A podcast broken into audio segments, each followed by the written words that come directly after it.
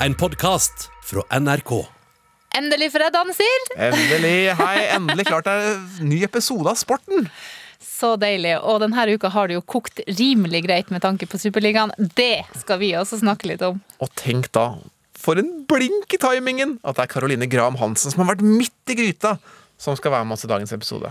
Vi skal også opp på pallen og eh, kåre vår personlige topp tre-liste i nordmenn som har gjort det bra i Spania. Tenk på det, det blir alpint og seiling. Bowling skal vi ha!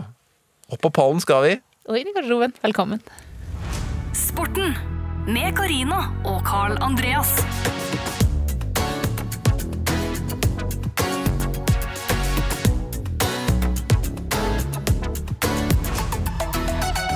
Denne uka så skal Caroline Gram Hansen spille om eh, finale i Champions League. Hun har vært i to tidligere, tatt begge.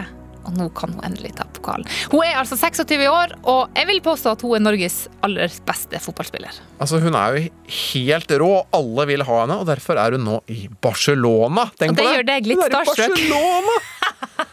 Oi, oi, oi. Men Barcelona de har vært litt i vind sammen med en del andre klubber siste dagene, siste uka.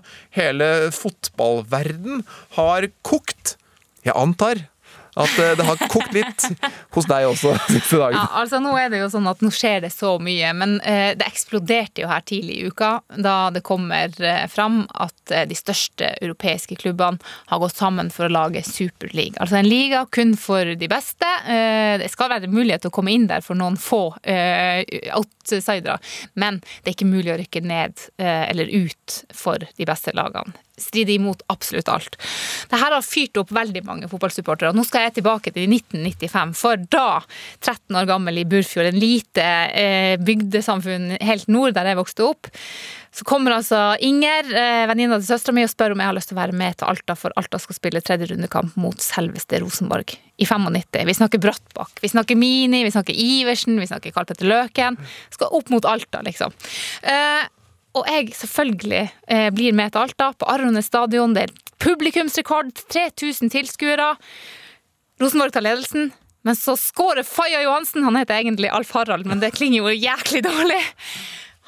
Vi utligner, nå sier det vi selv om jeg aldri har vært Alta-supporter, og så går vi opp i 2-1.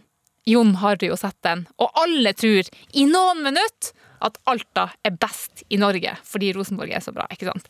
Og det er den følelsen der som jeg hadde på Arones i 95, som gjør at jeg i den dag i dag elsker fotball, jobber med fotball. Jeg syns det her er en vakker sport. Og så skal det komme noen rikinger og si at vi tjener ikke nok, vi skal ha mer. Eh, Og vi er så gode at nå skal vi ha mer penger, og da bryr vi oss ikke om klubber som Alta, eller som f.eks. Bodø-Glimt, som nå skal ut og spille mot de store lagene. Tenk de få minuttene det er 0-0 mellom Rosenborg og eh, Barcelona. Nei, Bodø-Glimt og Barcelona. Da tror bodøværingene at de er best i verden. Og den følelsen må vi aldri slippe. For Alta og Rosenborg de hadde aldri møttes i Superliga. Aldri. De møttes i tredje runde i den norske cupen, og endte jo den kampen 6-2 til slutt i Rosenborg. Det snudde. det, det varte ikke så lenge at Alta var, var, eh, var helt der oppe. Men, men den følelsen der syns jeg man aldri skal undervurdere, og det har jo øh, denne uka visst. Hvor mye fotball betyr for folk. Det har vært toppsak i Dagsrevyen. Det har vært diskutert på alle lunsjbord. Og det er supporterne og deres eh, sinne og engasjement rundt det her som har sørga for at alle de engelske klubbene som skulle vært med i det her, de har sagt at vi kan ikke. Og de andre trekker seg også etter hvert. Det, det, bare det bare faller som fluer. Og så får vi se hva slags etterspill det her kommer. Og kanskje det er mange som kommer med sånn at det her er en konspirasjon, og at eh, det her er en måte klubbene jobber for å få Uefa og Fifa til å endre seg. For at de er jo ikke noe, de er ikke noe skinnhellige, dem heller. Men eh, akkurat den der superliga-ideen, den var dårlig. Det var altså tolv lag, da. De største lagene som fins i Europa, som skulle starte Superliga og ta med noen andre, tjene masse penger og bli kjempestore. Men det ser det ikke ut som det blir noe av. Og vet du hva det betyr? At vi kan fortsette å si to ting som vi har sagt ja, så lenge jeg har hørt om fotball. Det ene er ballen er rund. Da vet jeg hva det andre Ja, cup er cup. Men midt oppi det her, eh, så har vi jo sett eh, hva slags eh, konsekvenser dette kan få for norske fotballspillere. Caroline Graham Hansen hun spiller i Barcelona. Det er snakk om en kvinnelig superliga også. Hun kan komme i den situasjonen at hun må ta valget. Skal hun spille for Barcelona i en superliga i den spanske serien, og bli nekta å spille på det norske landslaget? For det har jo Fifa og Uefa sagt at kan bli en konsekvens at du ikke får. Det er en umulig oppgave for Caroline Graham Hansen å forholde seg til, tror jeg.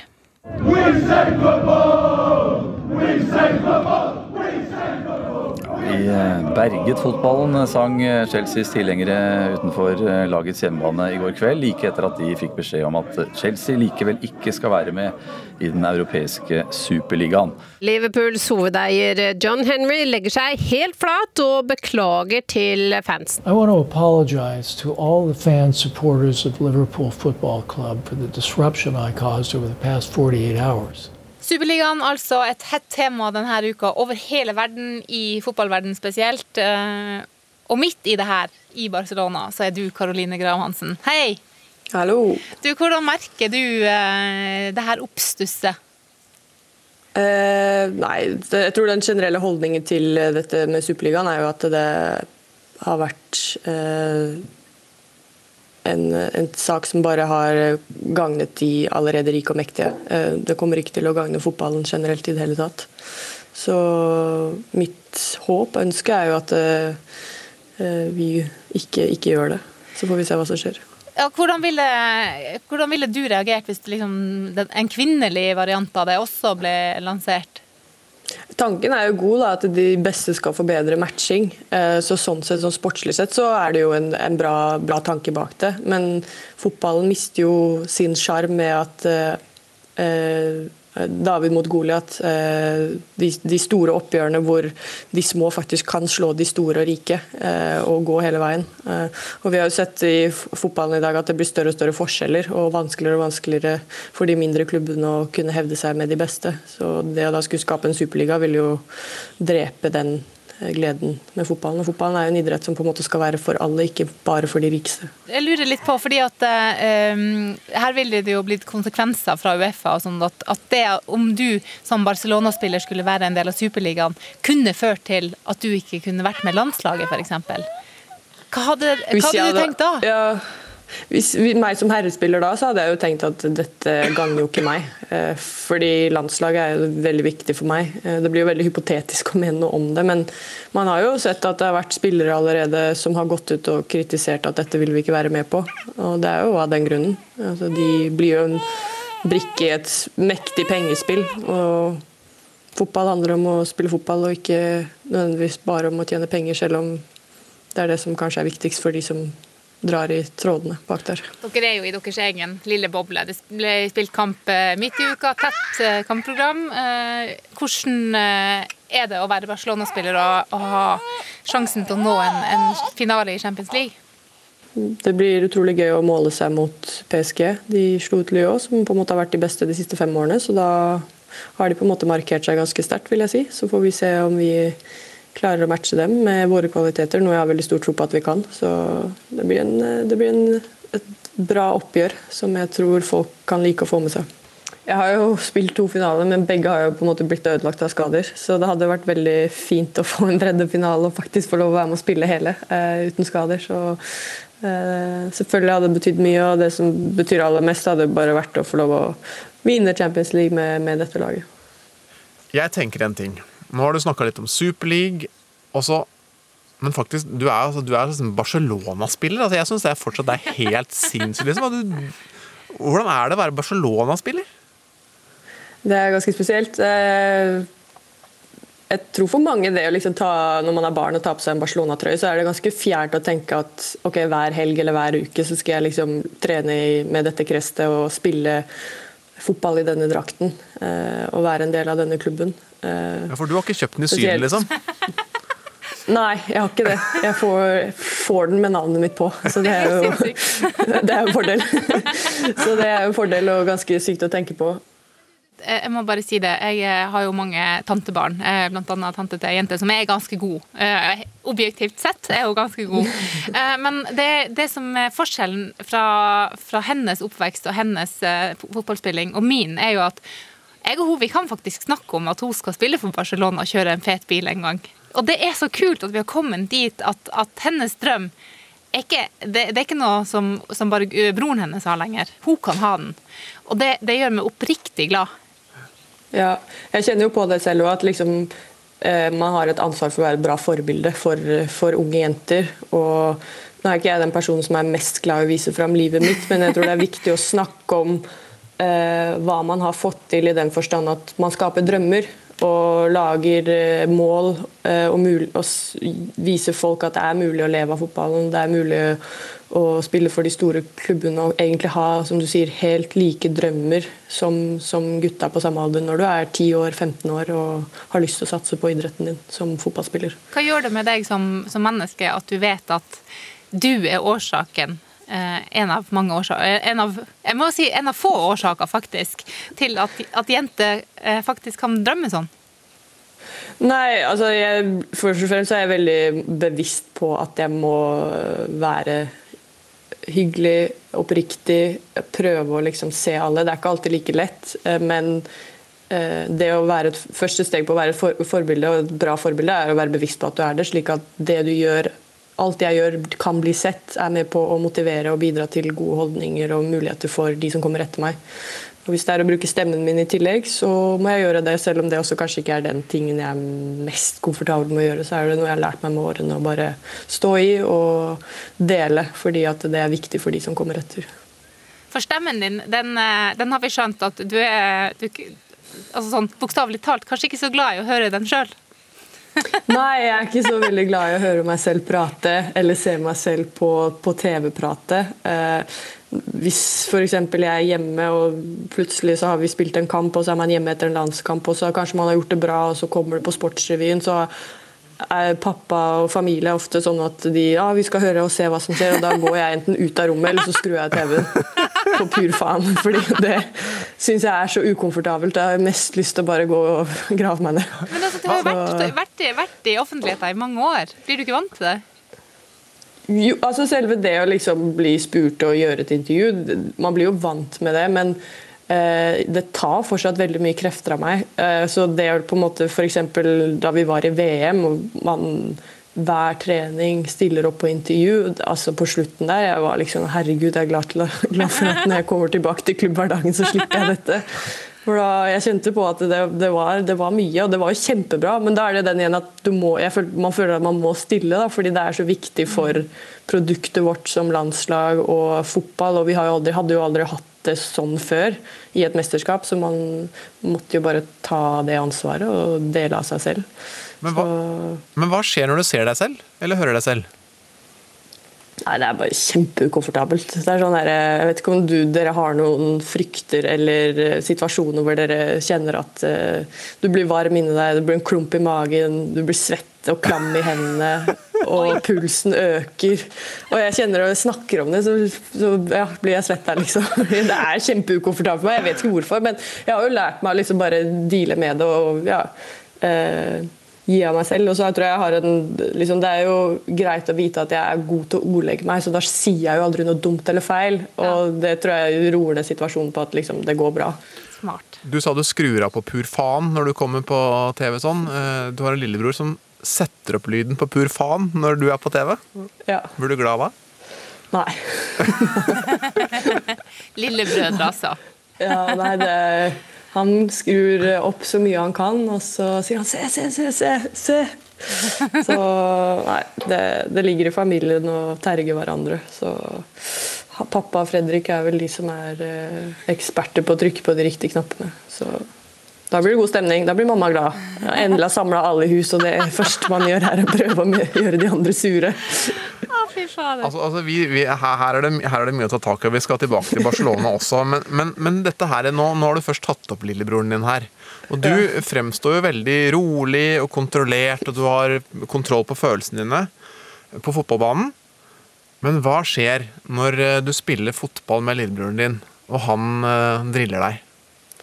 Eh, Det går jo begge veier her. da. Det høres ut som han dribler meg hele tiden, men det er jo ikke helt sant.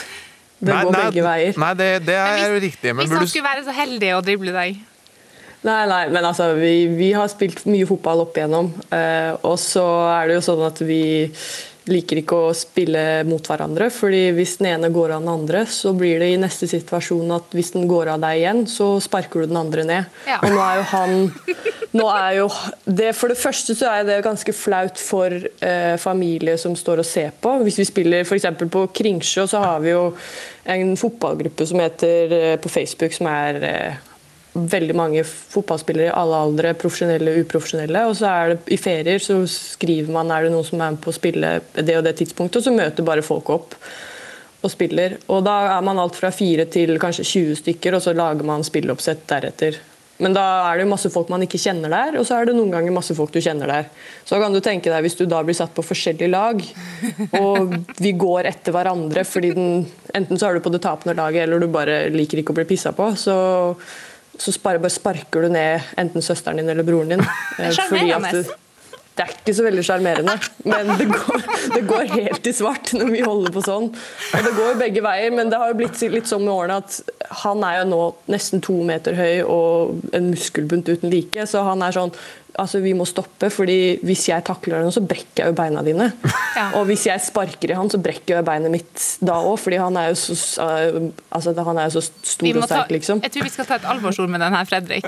Vi kan ikke risikere noen skader. Nei, nei, men det går jo begge veier. da. Han er jo veldig bevisst. Så nå er det på en måte litt roligere, men altså, det blir mer verbalt. da. Men altså, det går jo like varmt. Men det var verre før. Men det, er jo veldig gøy å tenke på at eh, liksom, normalt så kontrollerte Karoline går til fysisk angrep Ja, og slenger med leppa og går helt totalt svart Jeg, tror, jeg, jeg føler at jeg har lyst til å dra opp på Kringsjå når, når dere Altså, hvis man, altså, et, et, da jeg var yngre, så var jeg jeg tror jeg var forferdelig å spille mot og med. Jeg var jo, gikk jo helt i svart hvis jeg tapte. Det var jo en kamp. Jeg tror det, var, vi, det var første året det var Jenter 16 NM. Eh, og vi skulle spille mot Brumunddal borte. Jeg har hørt den historien her så mange ganger. Jeg husker det selv. Men da lå vi under 2-0 etter 30 minutter, og jeg var da så frustrert over at vi spilte dårlig og kom til å tape. Jeg trodde at vi kom til å tape, så jeg mista hodet helt og begynte å gråte. Så treneren bytta meg ut. Og så så, og så, ja, så vi at det, så begynte jeg å roe ro deg ned, ro deg ned. Og så ja, gikk det litt bedre, og så følte jeg meg litt bedre. Og så så jeg at skårte vi et mål, og så var jeg sånn OK, nå vil jeg spille igjen. Nå må du innpå igjen. nå må jeg innpå igjen, nå må jeg være med og liksom snu det her. Da. Og så tror jeg jeg skårte to mål og hadde en assist, og så vant vi, og da var liksom alt, alt glemt. Men jeg har fått høre det så sykt i Men ettertid, liksom. jeg regner med du har lært litt av det òg, kanskje? Ja, jeg tror jeg lærte ganske mye av det. Liksom. Man må ikke la følelsene liksom ta helt overhånd. Da. Og, så jeg tror liksom etter det en måte at det skjedde, så har man liksom lært å lært å kontrollere følelsen sin litt mer òg. Så når man spiller på Løkka, så ja, det skal jo være gøy, men da tenker man jo ikke så mye på appearance heller. Det er jo ikke noen dommer der til å vise deg ut hvis du sparker ned noen heller. Så det er litt av det òg. Du, du var inne på Løkka, og, og da, det er en ting som eh, Karine jeg ble veldig ivrig på. For du, du var også i, eh, i Lyn og fikk gode juniortrenere. Og det var noen trenere som var veldig opptatt av teknikk, blant annet Erik Mykland. Store legenden Altså, på midtbanen. Langt hår, langt skjegg. Fantastisk spiller, bitte liten. Nydelig blikk, nydelig teknikk. Han har jo trent deg, jo.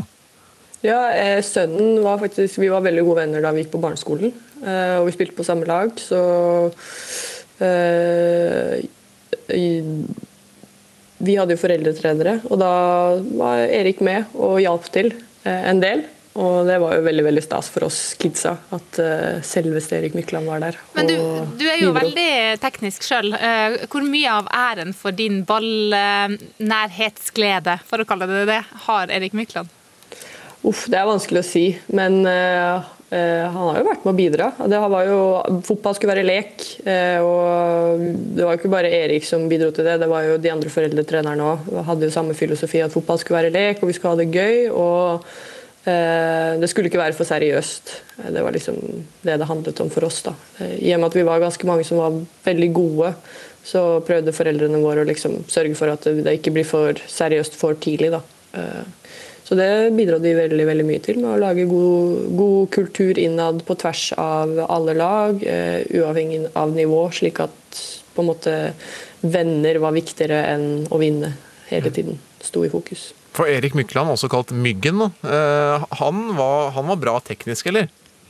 Ja, han hadde greit touch med ballen. Jeg husker han sto liksom bare på sidelinjen der, så trikset han liksom ned i bakken helt casually. liksom spredt kne, spredt kne i bakken liksom hele veien. Helt, ja, bare sto og liksom lekte med ball. Og vi, ja, random.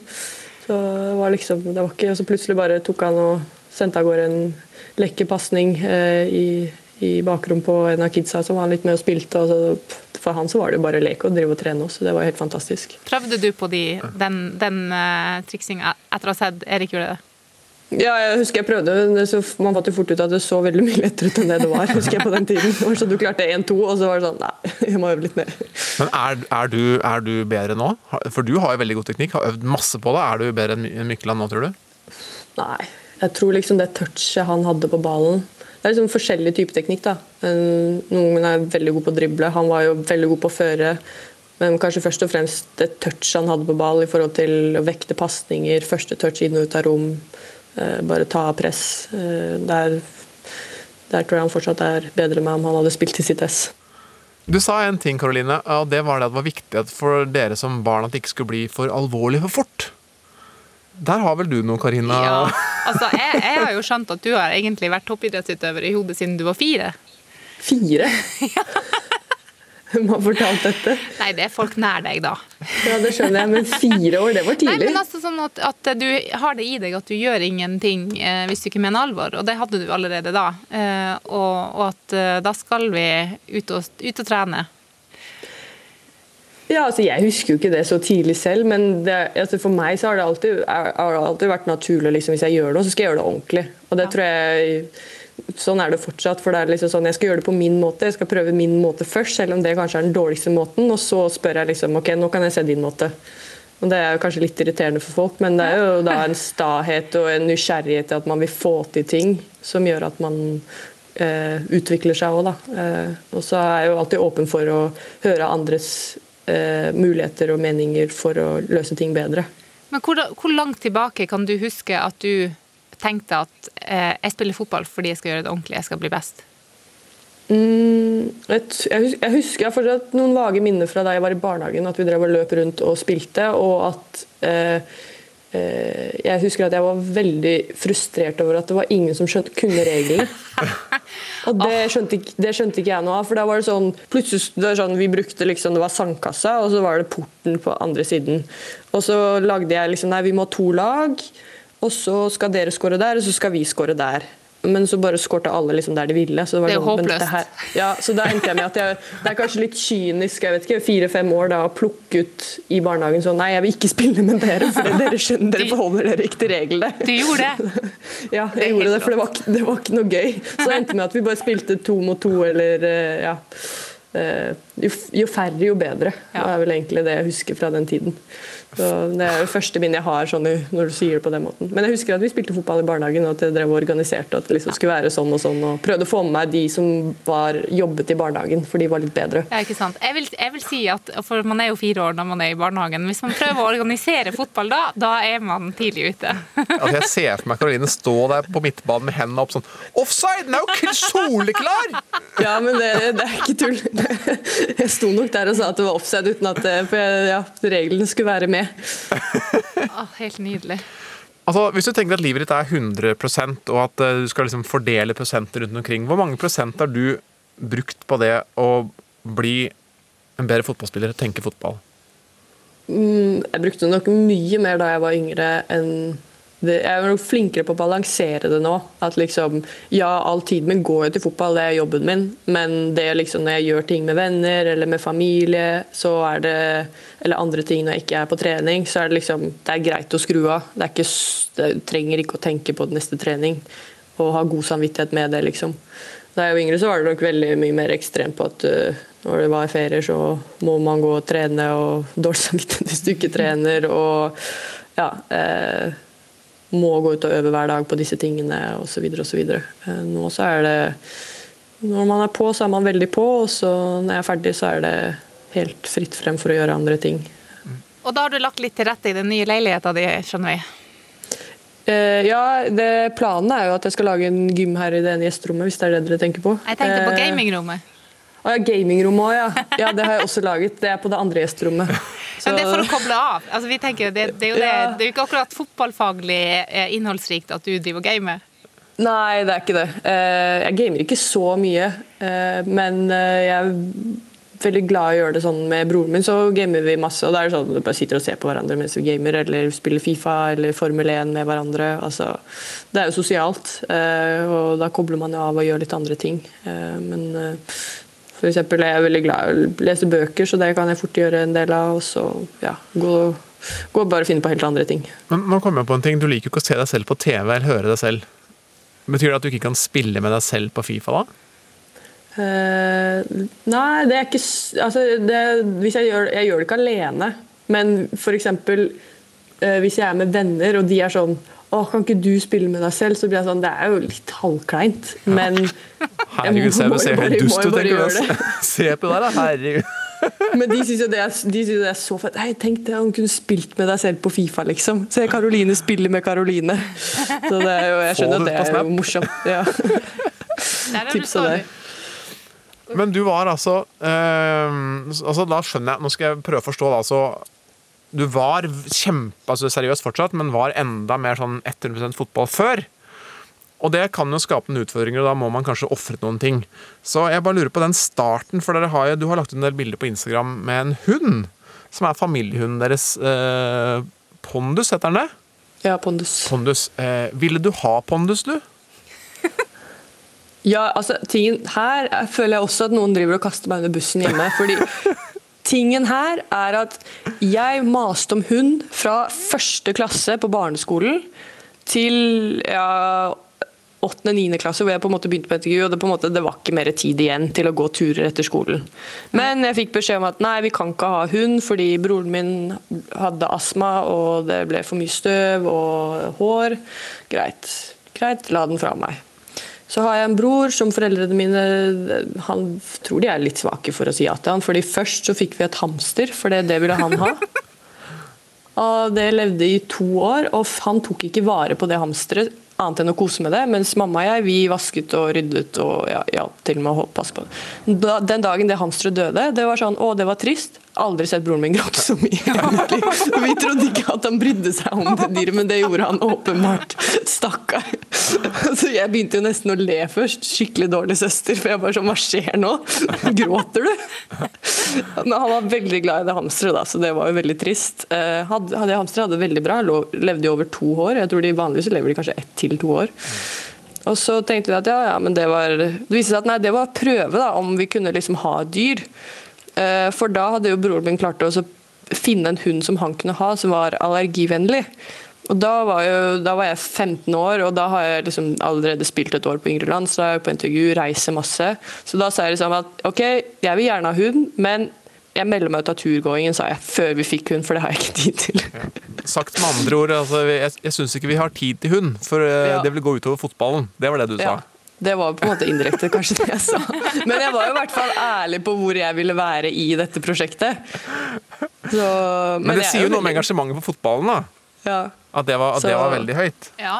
Ja, det var det. Det, det er det fortsatt. Eh, og Pondus har vært en stor bidragsyter til det, for han er jo kanskje vært den beste forsvarsspilleren vi kunne hatt. Ja. Altså, han er veldig glad i, i å leke, og når vi har lekt med fotball, så er det sånn du kan prøve å drible han, men han går jo bare etter ball. Så hvis du skal drible han, så må du virkelig liksom gjøre en bra finte. Så vi har jo kjørt masse én mot én i hagen med, med Pondus, og han har vært en bra bidragsyter, han òg. Forsvarsspilleren Pondus, det er jo helt rått. Men jeg, jeg tenker, er det lov, er, kan jeg stille noen spørsmål om Barcelona som jeg bare blir så nysgjerrig på? Fordi at, Karl Andreas er litt starstruck. ja, jeg, jeg tenkte liksom, det å være i Barcelona liksom, altså, Og når blir dere jo sidestilt? Dere er på samme treningsanlegg og, og som gutta, og det er klart at akkurat nå så er jo gutta enda større, og Messi selvfølgelig den aller største. Gi det noen år, så plutselig er eh, kvinnene like store. Men du har jo møtt Messi. Første gang når dere skulle ta bilder og sånn for laget, så vet jeg at eh, du havna med Messi og kom litt i prat med han. Eller hva, hva sa du da? Eh, ja, det er jo det årlige offisielle lagbildet. Eh, og så hadde jeg egentlig bestemt meg for at jeg på en måte Jeg skulle ikke spørre om å få ta bilde, for jeg liksom var sånn Nei, dette er som vi alltid gjør, og ja. Jeg følte liksom at man er colleagues på ett et sett, så da er det kanskje litt sånn uhøflig å, å gjøre det. Og han blir jo spurt om å ta bilder hele tiden, så jeg følte liksom at det var litt upassende. Og så var det Vi var ferdig, og så hadde jeg bare vært i prat med noen andre som var der, og så var jeg på vei til å gå, gå tilbake, og så ser jeg at det, det var to andre som hadde gått bort til fotografen og spurt liksom, å, kan du, hvis vi går og spør Messi, kan vi få ta bilder? Så da sto det liksom der og begynte å skulle ta bilde, og de var bare to stykker. Og da var jeg sånn nei, det er for dumt å liksom nå ikke hoppe inn og bare ta det bildet. Ja. Som står så nærme, alt er klart. Så da tok jeg bildet, og så sa jeg liksom bare å, tusen, tusen takk, og liksom sorry for at det forstyrrer ham. Og da han bare nei, nei, ikke noe problem. Eh, så, og han var liksom oppriktig, liksom, tok seg tid og brydde seg, så det snakka ikke så mye med han, men han sa liksom det går bra. Jeg kunne ikke så mye spansk, men jeg prøvde meg på de ordene jeg kunne, og han snakket tilbake. Så det var jo storartet gjort av han, så det var hyggelig. Men, men du tok det på spansk? Jeg måtte jo det. Jeg visste jo at han bare snakket spansk. Så hvis jeg, jeg måtte liksom prøve å være det, ja, for det, jeg lurte på, hva, hva, det er ikke så mye man kan hvis man er liksom fersk. Det, det, jeg lurte på, Var det sånn Vamos og playa, liksom? Eller hva var det du, hva, hva var det du sa til den? Nei, jeg sa liksom muchas gracias, eh, perdona me para molestas. Uh, og så svarte han et eller annet som jeg ikke skjønte, og så sa jeg bare 'muchas gracias'. Kjempesamtale. Buena suerte. Ja, ja. Det hørtes veldig spansk ut det du sier nå, men jeg aner ikke hva det er. Nei, nei. Men, på neste, men på neste lagbilde, nå kan, nå kan, du snakke mer han, for nå sitter spansken bedre. Jeg tror jeg kunne sagt litt mer, men jeg tror ikke jeg skal gå bort og prate masse med han. Yeah, remember me from last time. Uh... Ja.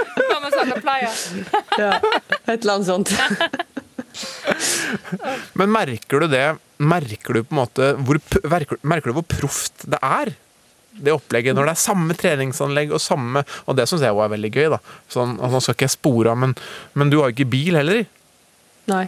Jeg ja, til trening. Ja, du, det er det. Vi har jo vært på en del klubber og sett det sånn Der kommer det en Range Rover og Bentley og Rolls-Royce og alt mulig. Jeg vet at Barcelona er litt annerledes, for Zlatan fikk vel ikke ha den bilen han egentlig ville ha. Nå har du veldig mange innskutte bisetninger. de andre kommer altså sikkert i fancy biler, og så tar du sekken på ryggen, og så går du inn. Ja. Ja, det, ja altså for meg spiller det fin liten rolle. Jeg bor veldig nære, og det er veldig bra kollektivtransport i Barcelona. Eh, så det går, veldig, det går egentlig kjappere å komme seg rundt med tog og buss og trikk. Og jeg bor nære treningen, nære sentrum, nære flyplassen. Så det, ja. Men du har lappen? Jeg har lappen, så jeg kan kjøre bil. Men altså, spanjolene kjører jo som altså, Det er jo uten regler. Ja. Så det er jo egen, egen idrett å skulle kjøre bil her. Men tenk at du, du, er jo en av verdens største klubber, og, og, nå kan dere til og med vinne Champions League. Og hva er drømmene dine? Hvis du skal se langt, fram, langt framover. For du har allerede oppnådd så mye, men du drømmer sikkert fortsatt? Ja, jeg har veldig lyst til å vinne Champions League, og så har jeg veldig lyst til å hadde, altså, Drøm hadde jo vært å vinne noe med Norge. Altså kunne få et VM-gull eller EM-gull, men det er jo for meg drømmer, drømmer, drømmer. Det er jo veldig, veldig vanskelig å skulle EM, nå. EM i England, som skulle vært i år, det blir ja. neste år. Men det, ja. det, kan, det, kan, realisere drømmer for deg? Ja, altså vi har veldig, veldig bra lag. Og når vi spiller bra, spiller vi veldig bra. Så da hadde det jo vært kult om vi fikk til et helt mesterskap. Jeg syns vi viste mye bra i, i VM, så vi viser jo at vi kan. Og så må forhåpentligvis har vi lært av det vi mista litt på i den kvartfinalen mot England. Men så, så er det jo også det er også en annen drøm som, som, er relatert til England og fotballkamper som spilles eh, på Old Trafford. Det hadde vært veldig kult å spille på Old Trafford. Det er, For du har litt, litt spesielt forhold til Ja, altså vi, vår familie har jo vært alltid United-supportere. Eh, vi har jo andre juledag så er vi alltid hos kusinen til mamma og spiser og liksom Ja, det er tradisjon. Og det er jo boxing day. Eh, og før så var det alltid invitasjonen var sånn klokka tolv. Da skulle vi være der. Problemet med familien Graham Hansen var at vi møtte ikke opp før United-kampen begynte halv to. Så da var vi alltid halvannen time forsinka, eller en time og et kvarter forsinka. Og det var jo veldig pinlig for mamma liksom at vi alltid var for seine. Ja. Men vi peila oss jo bare inn på at ah, ja, kampen begynner da. Så det var liksom, i et juleselskap så var det liksom Nei, vi kommer ikke hvis ikke TV-en er på og United-kampen er på. Heldigvis for oss så hadde vi alliert i at eh, faren og tremenningen vår er veldig United-supportere, de også. Da liksom sitter jo vi da rundt barnebordet og ser på kamp, mens resten av selskapet spiser. Men alle, alle i, i- altså i nær og fjern familie til Graham Hansen vet at United-kamper det må være inkludert, ellers så kommer dere ikke. Nei, ja, noe i den duren, ja. Det tror jeg er riktig. Nå er det sånn at Manchester United har jo et, eh, fått seg et lag som etter hvert eh, det går an å spille på. da. Nå er det ikke like bra som Barcelona, men eh, kunne det vært en drøm, det? Eh, akkurat nå så føler jeg at jeg lever drømmen i Barcelona. Eh, så jeg, jeg vil ikke drive og spekulere i andre drømmer, for da skrives det så sykt mye Ja. piss på, på nettet. Så jeg, jeg føler at jeg akkurat nå så lever jeg drømmen her. Vi forventer at du blir eh, ja, la oss si 45 og kjøper United-drakt i Syden, Det er greit. sånn som oss andre.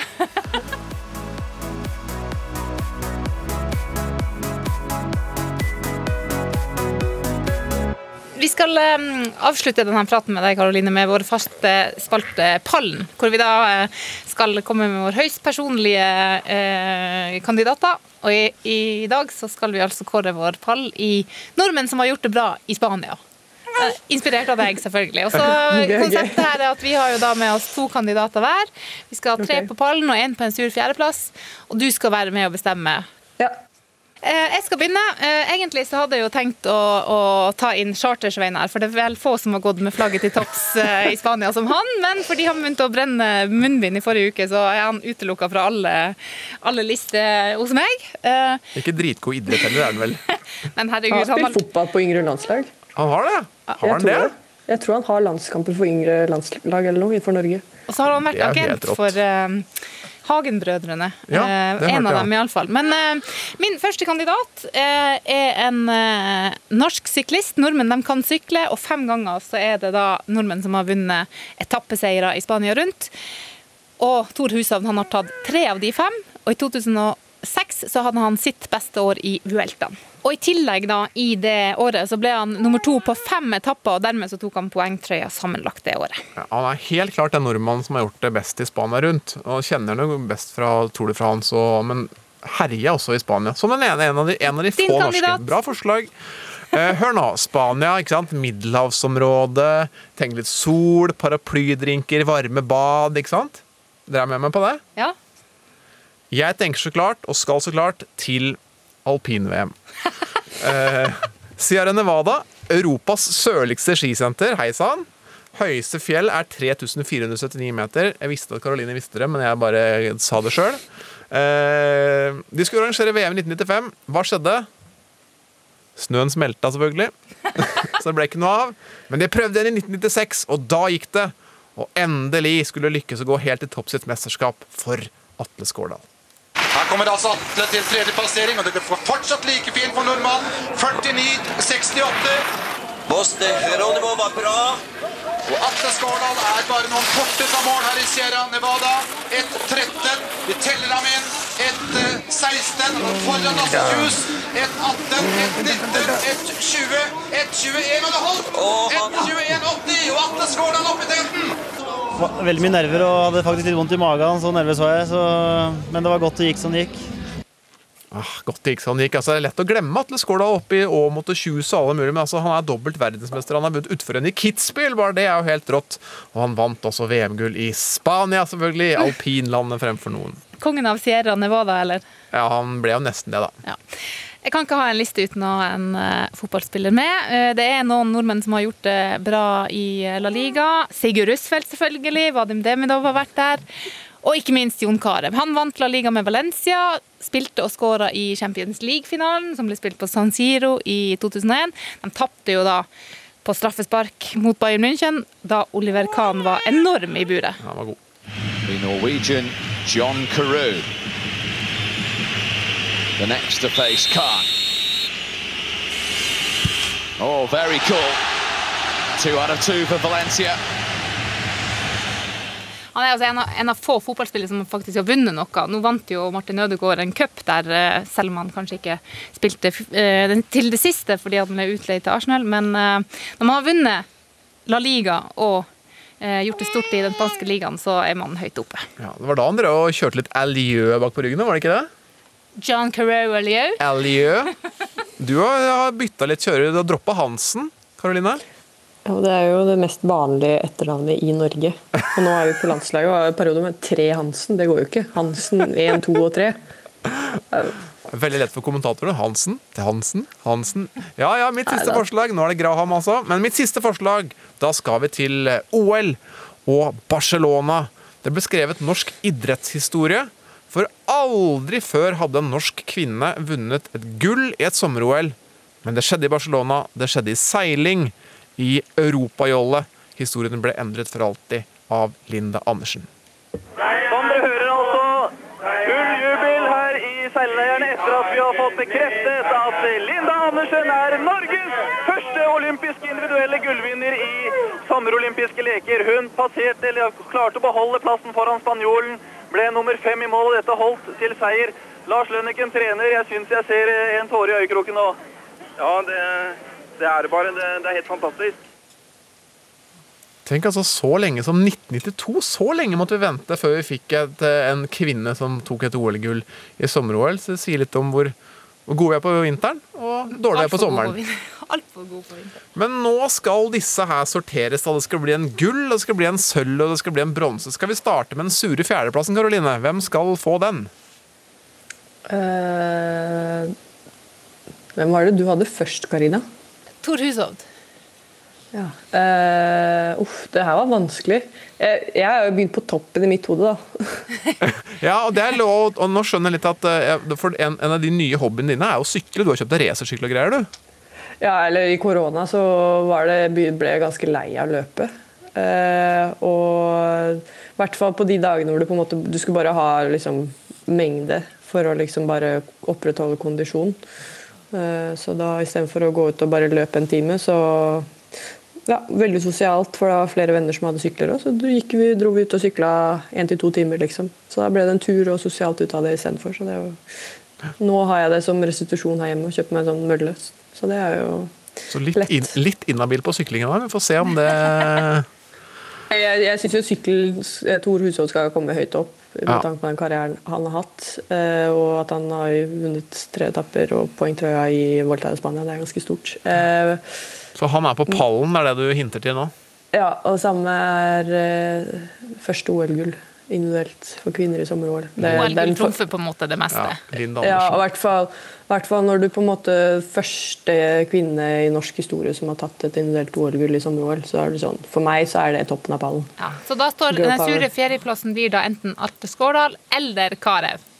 Ja, Da blir det dessverre Atle Skårdal. Men jeg- sitter langt inne, for jeg syns ski er veldig stort. Men fotball er større. Ja, fotball er mye større. Det er klart det det er større i Spania, i hvert fall. Ja. det er ikke noe tvil om.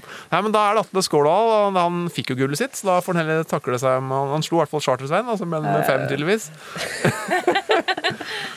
Skårdal fire, og da er det å sortere de tre første på toppen her. Hvem er tar bronse? Eh, Bronse blir Tor Hushovd. Og sølv? Det blir Jon Carew. Da kommer gullet. Linda Andersen. Linda Andersen. Yay! Ja, det var fortjent. Altså, jeg husker, vet du, jeg husker, selv om jeg var liten, så husker jeg smilet hennes. Hun hadde et gigantisk smil og var så blid etter halvgnørt nok. Det er ikke mange år, år til eh, Karoline, at du er på toppen av den her eh, som har gjort det bra i Spania. Får håpe det. Kanskje det bare et par uker til. Ja, Få se, få se. få se. Ja, det kan være. Hvis man er eh, heldig. Skal vi, skal vi slutte å si kvinnefotball nå? Bare si fotball? Ja, bare si fotball. Det er bra. det. Jeg spiller fotball. Det, det er i hvert fall det jeg sier. Hvis noen Ja. spør meg hva du gjør, spiller jeg spiller fotball. Ja. Jeg kjenner at sånn, jeg er litt skada av jobb, fordi at eh, da må jeg på en måte skille.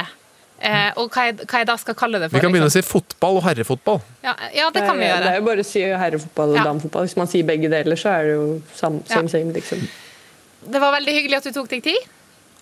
Likeså. Takk for Og- at jeg fikk komme. Og, og lov oss at du bare Vær snill mot lillebroren din. Skal være snill med han. Høres ut som jeg er kjempeslem med han, men det er jeg ikke. Og lykke til i Barcelona, da. Og så hils Messi. Det skal jeg gjøre. Vi er på overtid, men det som er så fint, vet du Det kan skje ting på overtida òg. Det er ofte da det eksploderer. Ofte da det eksploderer. Og det er noe sånn at Christer han har skrevet til oss. Det kan man gjøre på sportenpod at nrk.no. Han har skrevet at han syns det er så fint at vi har så mye, et godt mangfold av forskjellige idretter. Ja, det skal vi ha. Så han lurer på om det ikke er mulig å ha en bowlingspiller som gjest. Og jeg, det syns jeg var så jeg, altså jeg, Har du svart han? Jeg, jeg, svarte. Du kan si at uh, vi har en, en, et talent her, for jeg er, uh, tro det eller ei, sånn sinnssykt talent i bowling, uten at jeg har liksom spilt på høyre. Men jeg, jeg striker hele tida. Jeg tror ikke han tenkte at du skulle være gjest. så Det er mulig vi må få inn den i tillegg. Okay, okay. ok. Men det som var så fantastisk, at Christer hadde altså sendt inn til oss, og samme dag så får jeg lese om Ant Anthony Neuer. Anthony Neuer tror jeg det er på, han har altså spilt på det amerikanske juniorlandslaget i bowling. Han blir 19 år om bare noen få dager. Jeg ser øyenbrynene til Karina gå opp og ned. Sånn, hva er det som skjer nå? Men altså, han ble en del av proffserien i høst. Han spilte nylig US Open i bowling, den profesjonelle serien i USA. Dette er svære greier, ikke Ja. sant? Kom til semifinalen, og så kommer det i den vanskeligste, vanskeligste situasjonen du kan komme i som bowlingspiller. Han har kasta den første kula og fått en splitt. En på hver side. En på hver side. Ikke bare en hvilken som helst splitt, han har fått den vanskeligste splitten. Sjutidssplitten. Og det har med at de står, kjeglene står én helt ytterst på høyresiden og en helt Ja, det er ytterst en på venstresiden. side. Ja, men sånn, du, du kan ha liten, må vi ta det ned her, så folk kan- forstår. Du kan ha liten splitt og litt større splitt. Dette var den vanskeligste Ja. splitten, i hvert fall. Men Noyer, Og nå sier jeg bare han har rødt hår. Jeg bare nevner det. Han har rødt hår. Han tror det er mulig, og, og han kommer nå med sin kule nummer to.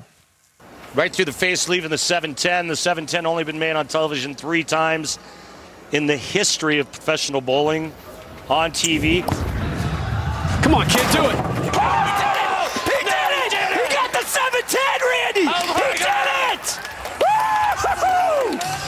Goodness, the ginger assassin just dropped the 710. You bet, kid.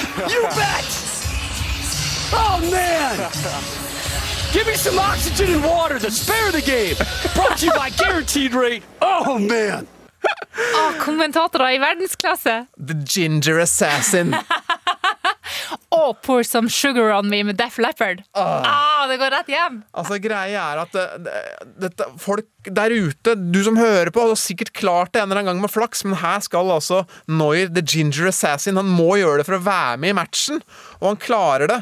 Og, og dette her har altså ikke skjedd i USA på 30 år. Forrige gang Det har skjedd amatørmessig sånn, men i en profesjonell turnering som har blitt filma direktesendt på TV. Publikum har ikke kunnet se dette på 30 år. Og nå fikk de se det. Han endte til slutt på en tredjeplass i turneringa. Tjente 100 000 spenn. Veldig bra for en 18-åring. Og klippet har gått viralt. Så hvis jeg går på YouTube og Ginger Assassin og Split Spare Ginger Assassin! Så er han der, ass. Kanskje jeg klipp, plukker opp noen eh, tips, for jeg mener jo at de gangene jeg har eh, løst eh, bowlingoppgaver, så har det ikke vært flaks. Nei, ikke sant. Det er fire stykker som har klart dette her, da, den sjutiden. Tre av fire har vært venstrehendt, så det kan også være endelig et argument for å være Ja. fordel å være venstrehendt. Eh, Selv om The Ginger Assassin mente at det, det var ikke derfor, da. Det var ikke det som var grunnen. Men, men, men se, gjør som Christer, da. Eh, ta kontakt med oss. Send mail til sportenpod.nrk.no. Et spørsmål vi lurer veldig på, er hvilke sporter skal vi snakke mer om? Ja, altså vi trenger Det hadde vært gøy. Vi trenger jo ikke altså få de beste historiene fra garderoben. Det er ikke deres lytters ansvar, men det er vårt ansvar. Du kan sende oss spørsmål om hvor Karl Andreas får alle de fancy retrojakkene sine fra. Det har jeg lurt på sjøl noen gang. Eh, hvis det er det du lurer på, da. Eller så kan du jo eh, spørre meg hvor svett på en skala fra én til ti jeg blir når jeg har Caroline Graham på intervju om å putte smokken i en unge uten å vite hvor smokken er. Nettopp. altså Man trenger ikke å sende inn noen doktoravhandling. Vi vil bare eh, lure på hva som helst om sport. Og det er jo masse ting dere lurer på der ute. Og vi lurer på hvilke sporter skal vi snakke mer om. På tampen her så har jeg lyst til å anbefale en podkast, vår egen selvfølgelig. Eh, vi har masse podkaster liggende eh, i biblioteket, og der er det mye snacks. så det er bare å gå tilbake. Du kan bl.a. høre om da jeg opplevde skyvparing, altså hunder som parer på fjellet uten å få lov. Ja, Det er beste historien jeg har hørt. Ja, den ligger, ligger i arkivet vårt. Men det er også en meget interessant podkast som heter SOS Nødtelefonen, som nå ligger i NRK radioappen. Eh, Der får du høre hvordan det utspiller seg i nødsamtaler før, under og etter ulykker. Ganske lærerikt, veldig dramatisk og veldig hørbart. Veldig bra innhold, men jeg tror ikke de har så bra teknisk ansvarlig som oss. Jeg tror ikke de har så bra produsent som oss. Ida Lara Brenne og Geir Elle har hjulpet oss i dag. Og vi har kommet oss gjennom. Du er svett. Nå Ja. skal du få dra hjem og dusje. Og så snakkes vi om en uke. Ha det! Ha det. Du har hørt en podkast fra NRK. Hør flere podkaster og din favorittkanal i appen NRK Radio.